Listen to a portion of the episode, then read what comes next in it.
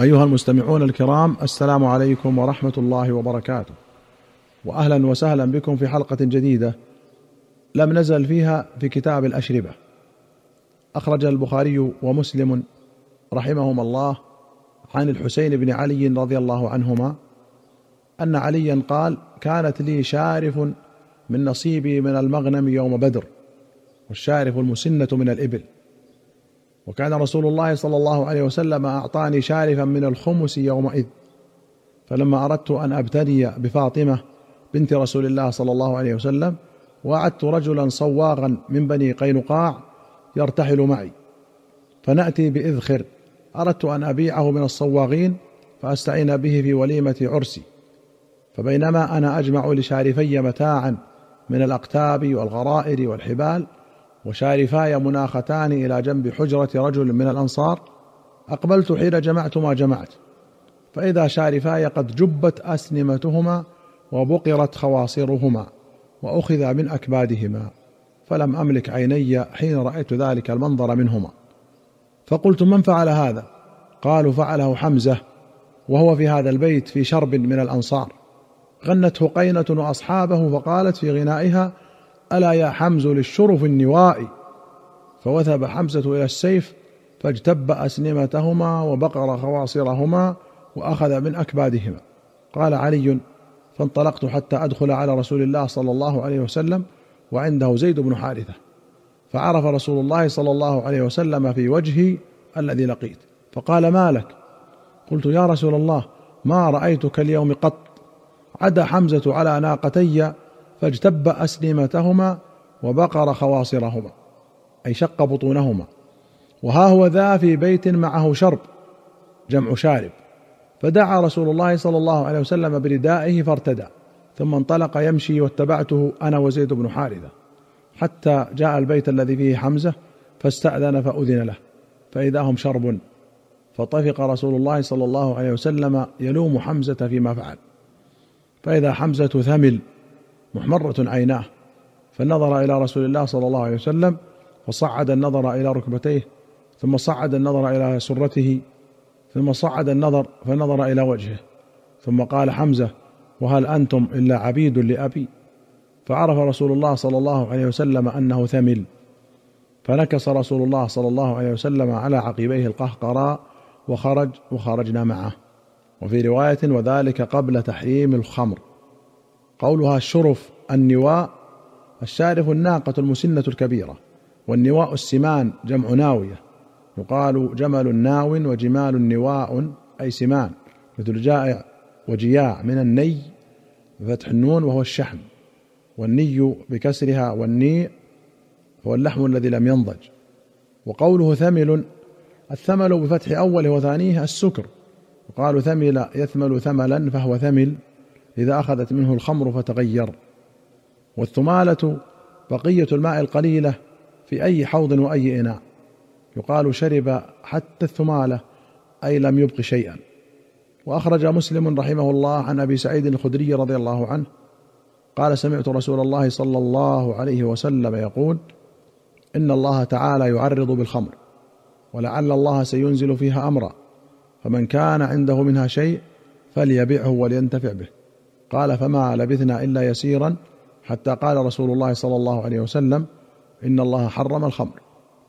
فمن أدركته هذه الآية وعنده منها شيء فلا يشربها ولا يبيعها ولا ينتفع بها.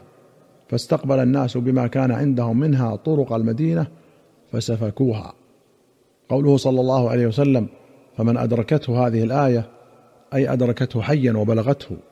والمراد بالآية قول الله تعالى إنما الخمر والميسر والأنصاب والأزلام رجس من عمل الشيطان فاجتنبوه لعلكم تفلحون.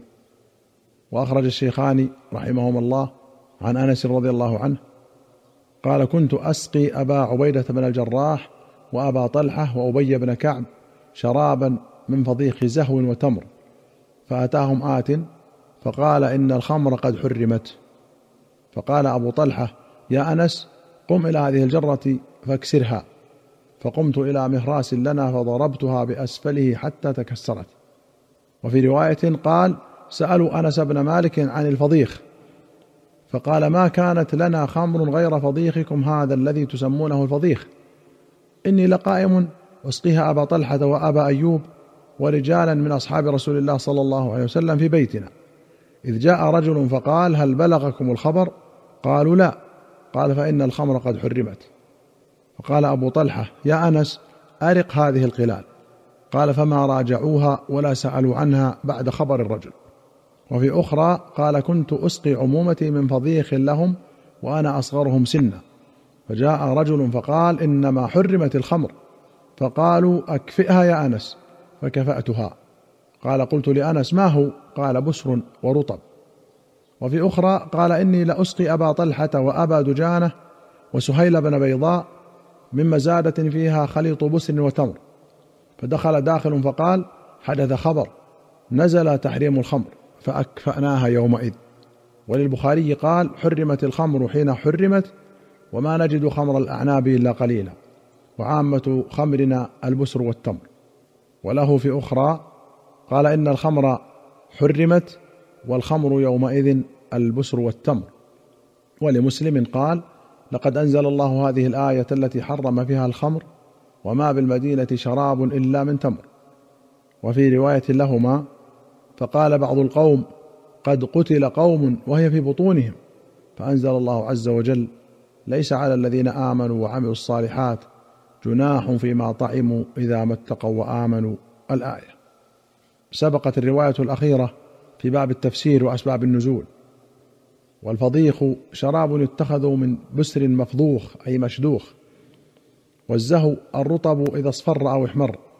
والمهراس حجر يهرس به أي يدق به. وهو أيضا صخرة منقورة يكون فيها الماء. لا تقله الرجال يسع كثيرا من الماء. والقلال جمع قلة وهي راوية تسع قربتين تقريبا. وقولهم أكفئها من قولهم كفأت الإناء إذا كببته على رأسه. والمزادة هي الراوية راوية الخمر.